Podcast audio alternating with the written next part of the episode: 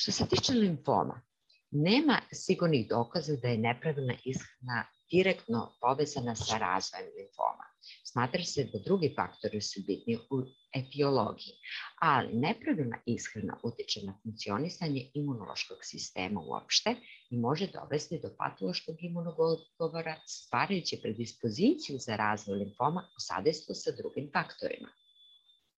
Moram reći da se još uvek vrše istraživanja utjecaju ishrane na razvoj lipoma, na primjer trenutno su aktualne studije vezane za omega-3 masne kiseline, koliko one mogu da pomognu u borbi sa limpomima. Znači, e, pravilna ishrana je jako bitna u borbi sa limfomima.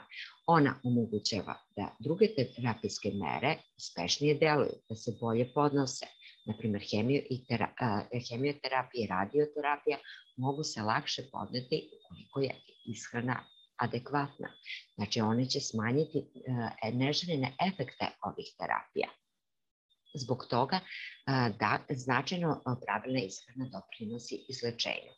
Ona omogućava da, bol, da se bolesnik bolje osjeća i da lakše konsumira hranu i da mu kvalitet života bude bolji. Zbog toga pravilna ishrana je jako bitna kod limfoma. E sad kad smo kod limfoma, mi ćemo se znači, vezati za ishranu i, i kroz nekoliko tema.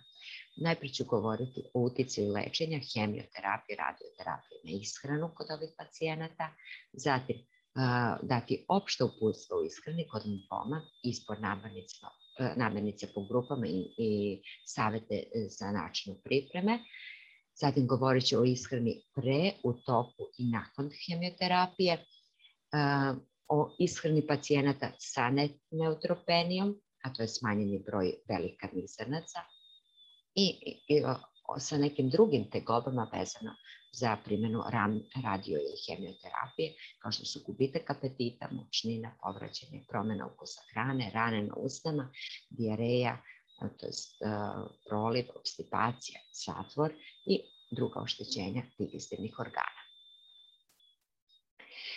Kada smo kod limfoma, rećemo znači da e, limfomi se tretiraju različitim terapijama.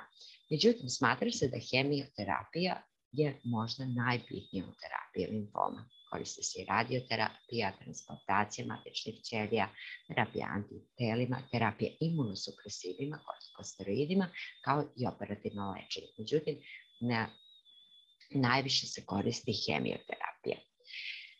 Sad, e, hemioterapija kao i ostale terapije imaju neka neželjena dejstva. Ovdje sam navela neka od neželjenih destava tih terapija, a, a hemioterapija, ali mogu reći da su uglavnom kod svih i ostalih terapija ta neželjena desta prisutna. Ono što je tipično, to je e, smanjenje broja velikarnih srnaca i trombocita, što dovodi do e, povećane sklonosti ka infekcijama, krvarenju i nastanku modrica. E, nakon te hemioterapije javljaju se često umor, gubitak apetita, mučnina i povraćanje. Vrlo često se javlja dijareja, rane na usnima i digestivnom traktu koje otežavaju unos hrane i vode, otežavaju žvakanje i kutanje, takođe se često javljaju nakon kemioterapije. Vrlo često dolazi do gubitka daha, promena na koži, gubitka kose i smanjene plodnosti. Znači, ovo jesu negativni efekti hemioterapije, ali i kod drugih vrsta terapije, da pa prema radioterapije i efekti su jako česti.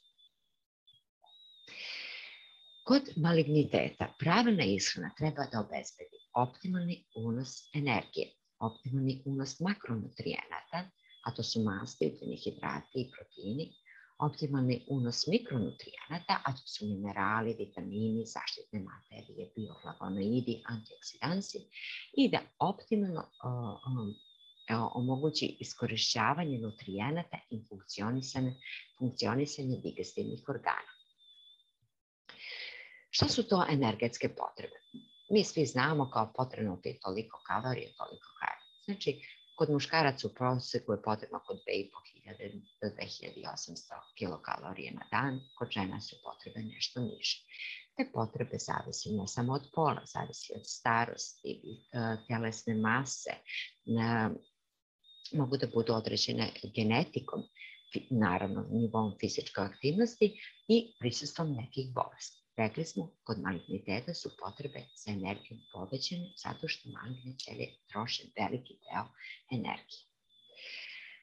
Smatra se da je znači, kod, malignih, e, kod maligniteta da su povećane e, e, potrebe organizma, nešto su veće nego kod e, zdravih osoba i ukoliko dođe do e, gubitka telesne mase, treba se naknadno povećati unos energije. Mnogo je bitno da pacijent u e, terapiji maligniteta ne gubi na težini. Međutim, s druge strane, vi imate danas uh, savete uh, da se određene ishrane, tipa, uh, određene ishrane koja se zasniva na gladovanju, preporučuje u terapiji maligniteta. Poznata je Brojsova dijeta. Mogu vam reći da sve te dijete su se pokazale prvo kao netačno, znači netačno je da dovode do izlečenja, znači nema nikakvih dokaza da su one doprinele izlečenju pacijenata, nema nikakvih naučnih studija objavljenih na tu temu a čak se suprotno pokazalo da su takve dijete dovele do potkrenjenosti pacijenata i njihov, slabosti njihovog organizma, tako da je, na, nažalost, to izazvalo pogoršanje prognoze kod njih. Znači, ljudi nisu mogli da se izbore sa hemoterapijom i a, vrlo često ishod je bio jako loš. A, zato vam savjetujem, nemojte a, slušati te priče sa strane, držite se preporuka lekara. Sve što vam lekari kažu, to je zaista provereno i molim vas, nemojte nikako eksperimentisati na sebi. Ovo važi i za suplemente i za biljne preparate. Da se vratimo sad na energiju. Koji su to glavni izvori energije? To su masti, ugljeni hidrati. Za proteine si ne znam baš tačno da li su um, izvori energije u našem organizmu. Obično se proteini u našem organizmu koriste za neke druge stvari, za izgradnju tkiva, za izgradnju antitela. Znači, oni imaju više gradivnu i zaštitnu ulogu, a manje se koriste kao energija. Kada se oni koriste kao energija? Kada nema dovoljno energije od strane ugljenih hidrata i masti. Znači kada organizam gladuje ili kada se ugljenih hidrati ne unose dovoljno onda se naše mišići, naše organe, znači e, naše rezerve proteina iz krvi razgrađuju da bi se dobila energija. Zato je neophodno da se balansirano unose i masti, i ugljene hidrate, i proteine. Uh, što se tiče energetske vrednosti, znači masti imaju najjaču energetsku vrednost, ne više od dva puta veće od ugljenih hidrata i proteina. Oni su najlakše deponuju u morskom ugljenih hidrati se znači, koriste bilo direktno kao izvor energije, a sad njihov suvišak se deponu u, u vidu mastoća u našem tkivu. Ali da proteini, ukoliko se u suvišku unose, mogu da se pretvore u masne naslage. Mogu, ali to je znači, znači mnogo, mnogo, mnogo veći unos proteina od onog koji se normalno nalazi. Znači, u principu proteini ne goje. Što se tiče masti, oni ne samo da imaju energetsku ulogu, oni imaju gradivnu ulogu. Esencijalne, takozvane bitne masne kiseline su potrebne znači za funkcionisanje e, svih organa i potrebne su minimalne količine. E, potrebne su za održanje e, pravilnog imuniteta. Zato se savjetuje znači da treba da se obavezno unose minimalne količine masti. E sad, Mi masti možemo podeliti na dobre i loše. To je najjednostavnije za vas. Da znate koje su te dobre, koje se savjetuju ishrane, a one koje se ne savjetuju, znači koje su loše. E sad, dobre masti smatra se da su polinezasićene masne kiseline, pogotovo omega-3 masne kiseline i mononezasićene masne kiseline, dok su loše masti zasićene i transmasne kiseline. Zasićene masti se nalaze u namirnicama životinskog porekla. Semberig, znači i mleso, i mleko, i jaj, znači zadrže uglavnom zasićene masti. Transmasne kiseline se nalaze naročito u margarinima, u hidrogenizovanim mastima i u prebršenim masnoćama. Koje su izvori uh, određenih vrsta masnih kiselina. Za zasićene, to je dobro, to su biljna ulja. Semenke i koštanjevi plodovi, pogotovo lan, orasi, kikiriki, čija seme, oni su izvori prekursora omega-3 masnih kiselina. I riblje ulje, koji je izvor direktni omega-3 masnih kiselina. Mononezasićene masne kiseline se nalaze u maslinovom ulju i nekim koštinjevim plodovima, na primjer u badenim i lešnicima i avokadu. To su sad znači, dobre mas, masnoće i te a, proizvode možete konzumirati slobodno. Zasićene masne, rekli smo, nalaze se u namenicima životinskog porekla, mleko, meso, jaja, izuze ribe i transmasne kiseline koje se nalaze kod termički obrađenih masti i margarina. To su sve loše masnoće. Što se tiče ugljenih hidrata, ugljeni hidrati kod nas poznati kao šećeri, takođe imaju energetsku ulogu u organizmu. I dele se na proste i složene. Smatra se da je skrob složeni ugljeni hidrat zato što se razlaže na proste u digestivnom traktu da bi se resorbovan. Međutim, to i nije baš tako prosto. Znači, kako oni to dele prosti i složeni, znači, um, Uh, uglavnom, za vas je mnogo bitnije da podelite opet na dobre i na loše. Ti prosti ugljeni hidrati koji se sastoje od malih molekula se nalaze u voću, šećeru, slatkišima, sokovima, dok se e, složeni ugljeni hidrati, skrop, nalazi u žitaricama, svim proizvodima od žitarica, pecivo, keksi, cerealije pirinač u mahunarkama, pasulj, grašak, sočivo takođe su bogati skrobom i u krompiru i bananama. Znači, to su kao tih, nazovi, složeni. Međutim, priča nije baš tako jednostavna i najbolje da mi ugljene hidrate podelimo na one koji su loše, koji se brzo resorbuju u našem organizmu, koji brzo dižu nivo šećera u krvi, koji ne sadrže, znači te namirnice obično uz umjene hidrate ne sadrže ništa korisno što vam, vašem organizmu treba i znači njih treba i, izbegavati.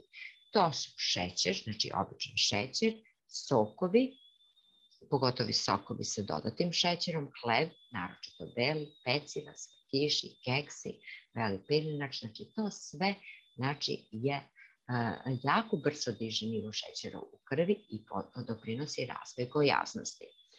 Dobri, oni koji sprečavaju gojaznost, su sporo resorbujući šećeri, znači tu uh, oni polako dižu nivo šećera u krvi i to su nerafinisani uglavnom ugljenih hidrati, izvori ugljenih hidrata koji pored ugljenih hidrata sadrže i biljna vlakna, i minerala, i vitamine, i bioflavonoide, znači sve te zaštitne, zaštitne materije.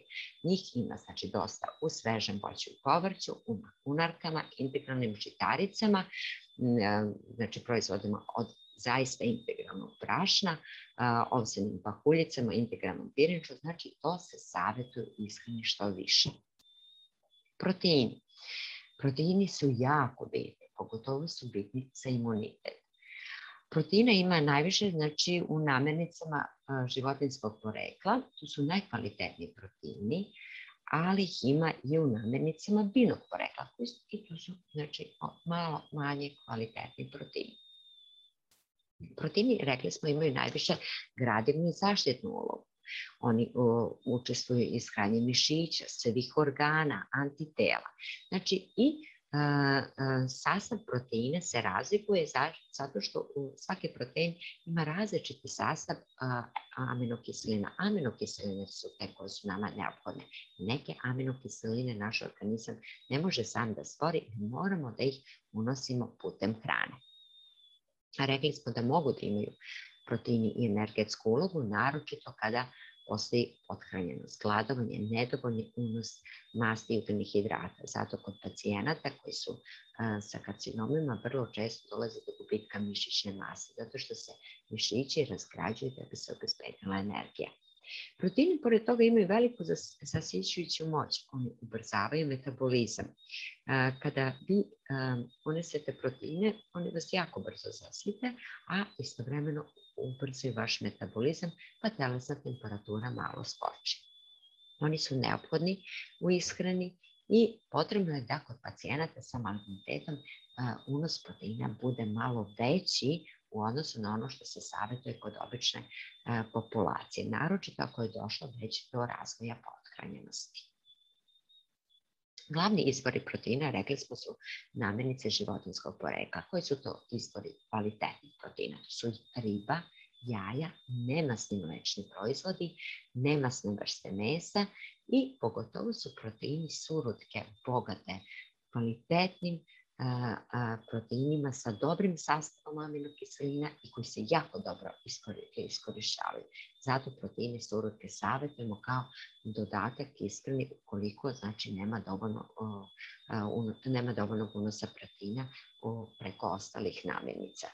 Biljni proizvodi kao što su mahunarke, soja, pasulj, grašak, sočivo, takođe su bogati a, e, proteinima koštunjavi plodovi tipa bademi, lešnici, pistaći takođe znači, mogu da budu bogati ovim proteinima i žitarice su takođe, integralne žitarice su takođe bogate proteinima. Međutim, sve, sve te, e, sve te izvori proteina biljnog porekla nisu tako dobri. Zašto? Zato što sastav proteina nije tako dobar, ne sadrže sve te esencijalne, bitne aminokiseline koje su nama neophodne, zato ih treba kombinovati.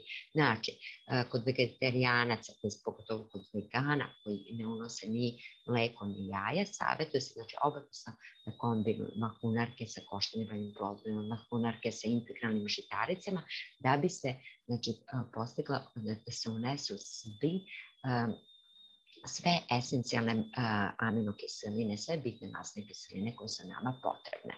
Uh, soja je najbolji uh, e, izbor proteina biljnog porekla.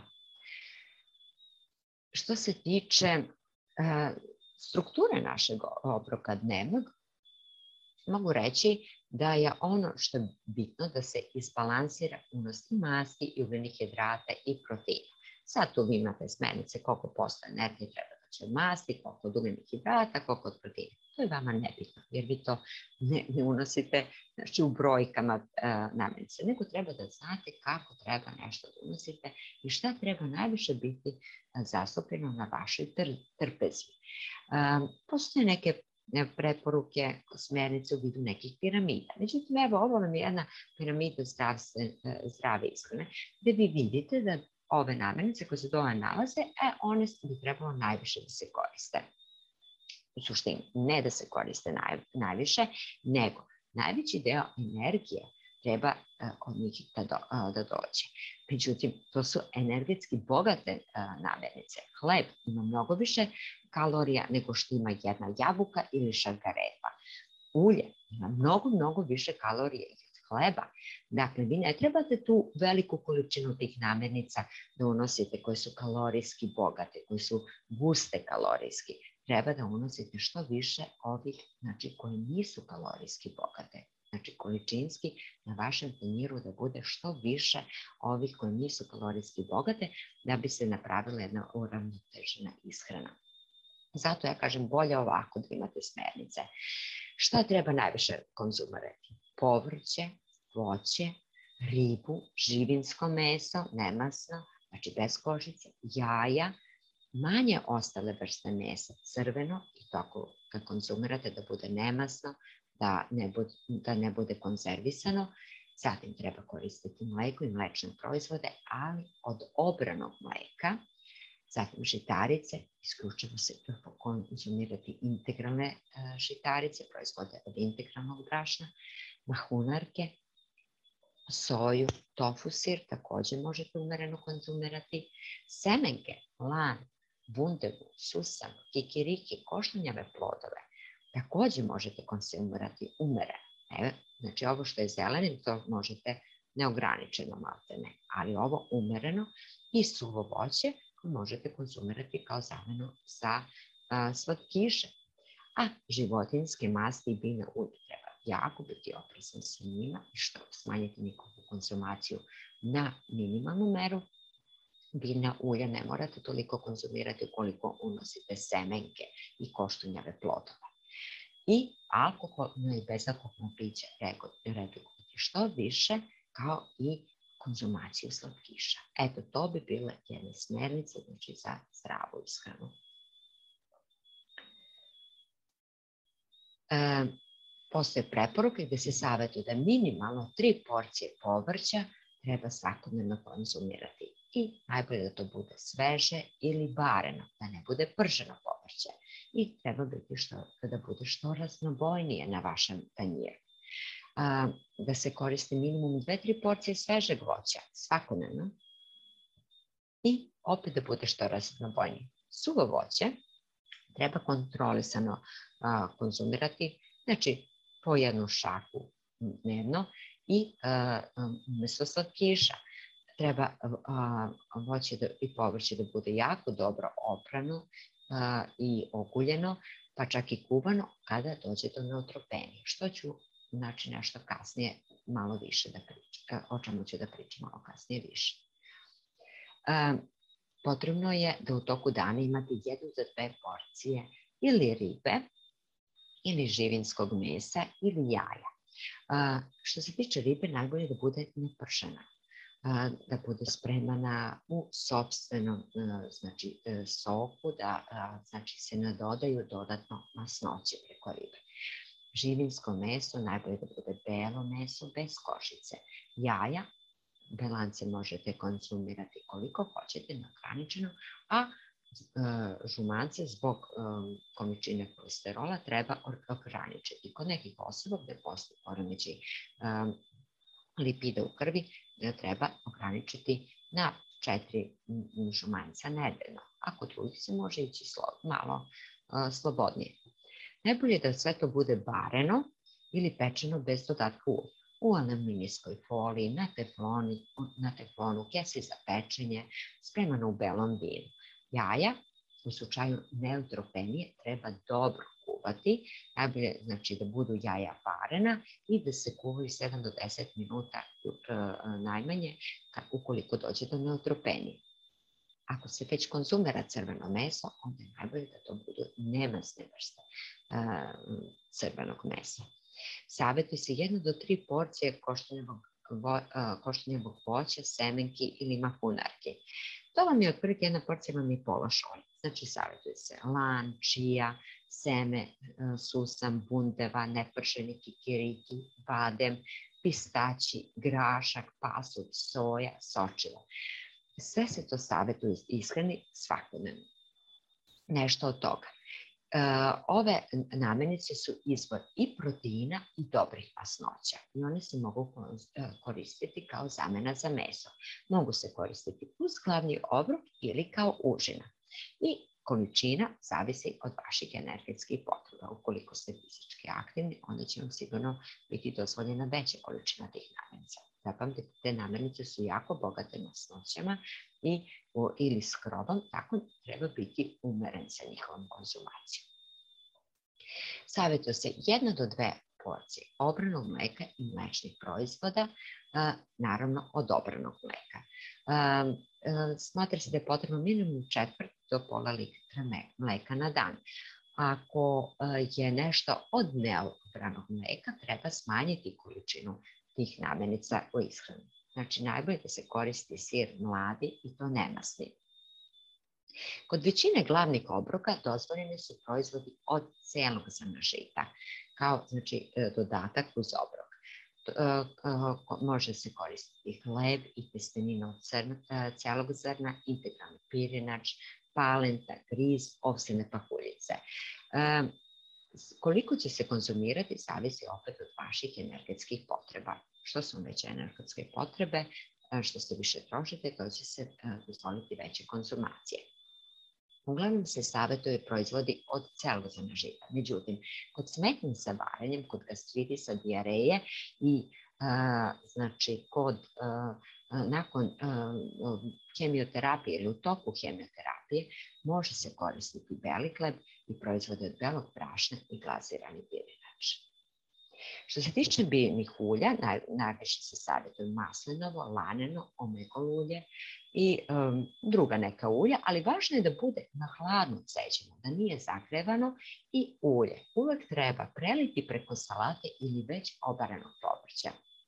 Znači, od 1 do 3 supene kašika ulje na dan su vam potrebne, ne više od toga. Uh, ulje u sebi, sam jedna supena kašika, sadrži 150 kalorija sa dve supine kašike vi ste već uneli 300 kalorija. Ako su vama potrebno 2000 kalorija, četiri supine kašike, 600 kalorija vam daje. Znači, vi onda morate jesti mnogo manje od druge uh, hrane da se ne bi ugojili. Uh, zato, kažem, potrebe za uljem, dodatnim uljem, su individualno zavise od vaših energetskih potreba, a ukoliko unosite semenke košnjeve plodove, onda je potreba za uljem e, smanjena.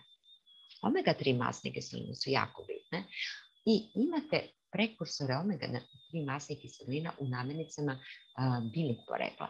Naprimjer, mleveno ano seme, čije seme, orasi su izvori tih prekursora omega-3 masnih kiselina, dobri izvori. Ali možete dodavati i preparate ribljeg ulja ili što je još najbolje, jedite ribu što više avokado, vodene lešnice, kikiriki, znači sve su to izvori dobrih masnoća i njih možete koristiti. Potrebna je redka upotreba crvenih vrsta mesa, naročito masnih vrsta mesa, konzervisanih vrsta, vrsta mesa i masnoća životinskog porekla. Znači masne sirevi, butar, maslo, svinska mast, goveđi loj i ovči loj se ne preporučuju u ishrani kod osoba sa hematološkim malignitetom. Ukratko, znači da ove skratimo preporuke, znači treba ishrana da bude bazirana na svežem voću i povrću, jesti što raznovrsniji, što raznobolniji, da redite na vašem trpezi bude što više boja, nemojte pržiti, jedite kad god je moguće sirovo, varite ili spremajte u peći, u pećnici, kada spremate u reni, spremajte na papiru, u foliji, na teflonu, bez ulja. Ulje dodavati na kraju pripreme tek, znači ne zagrevati ulje i to preko povrća. Jeste, što jednostavnije, što prirodnije, koristite prirodne integralne namirnice. Kako je majka priroda sporna? Znači jedite jabuku, bolje jabuku da pojedete na u odnosu nego da popijete sok. Znači, jedite onako kako ga je majka priroda stvorila. Nemojte kupovati gotovu, prerađenu industrijsku hranu. Naročito se ne preporučuje brza hrana, grickavice, slatkiši, sokovi, gotova jela konzervi i suhomesnati proizvodi. Gledajte da što manje konzumirate ako Preporuke a, muškarci su do dve a, čaše vina, najbolje crnog, a kod žena do jedne čaše vina dnevno. I unosite što više tečnosti, najmanje 1,5 do 2 litra na dan. A, imate što više manjih obroka, najbolje da imate doručak, ručak i večer i dve užine između toga makar. Doručite, doručujte, ali ne morate odmah. Neka to bude lagani obrok, voće, mleko i mlečni proizvodi i žitari svako nas individualno, znači ima, ima individualne navike u ishrani, nekim ljudima ne odgovara doručak. Dor, doručak se generalno savetuje, ali, kažem, treba slušati malo i sobstveni organizam. Za užina najbolje da se koristi voće, žitarice, mlečni proizvodi, semenki koštenjavi plodovi. Večera treba da bude lagana sa, da, i da bude bazirana na proteinima i salati. Za ručak i večeru treba koristiti povrće uz nešto od sledećeg. Bilo da je riba, bilo da je nemasna piletina, jaja, osni sir, makunarke ili koštenjavi plodovi. Proteine treba unositi više puta dnevno, znači proteini treba da budu raspoređeni tokom celog dana, ne da se one unesu samo u toku jednog obroka, već će se tako najbolje iskoristiti. Znači, treba ih unositi i za doručak, i za ručak, i za večeru, a bilo bi dobro i za užinu.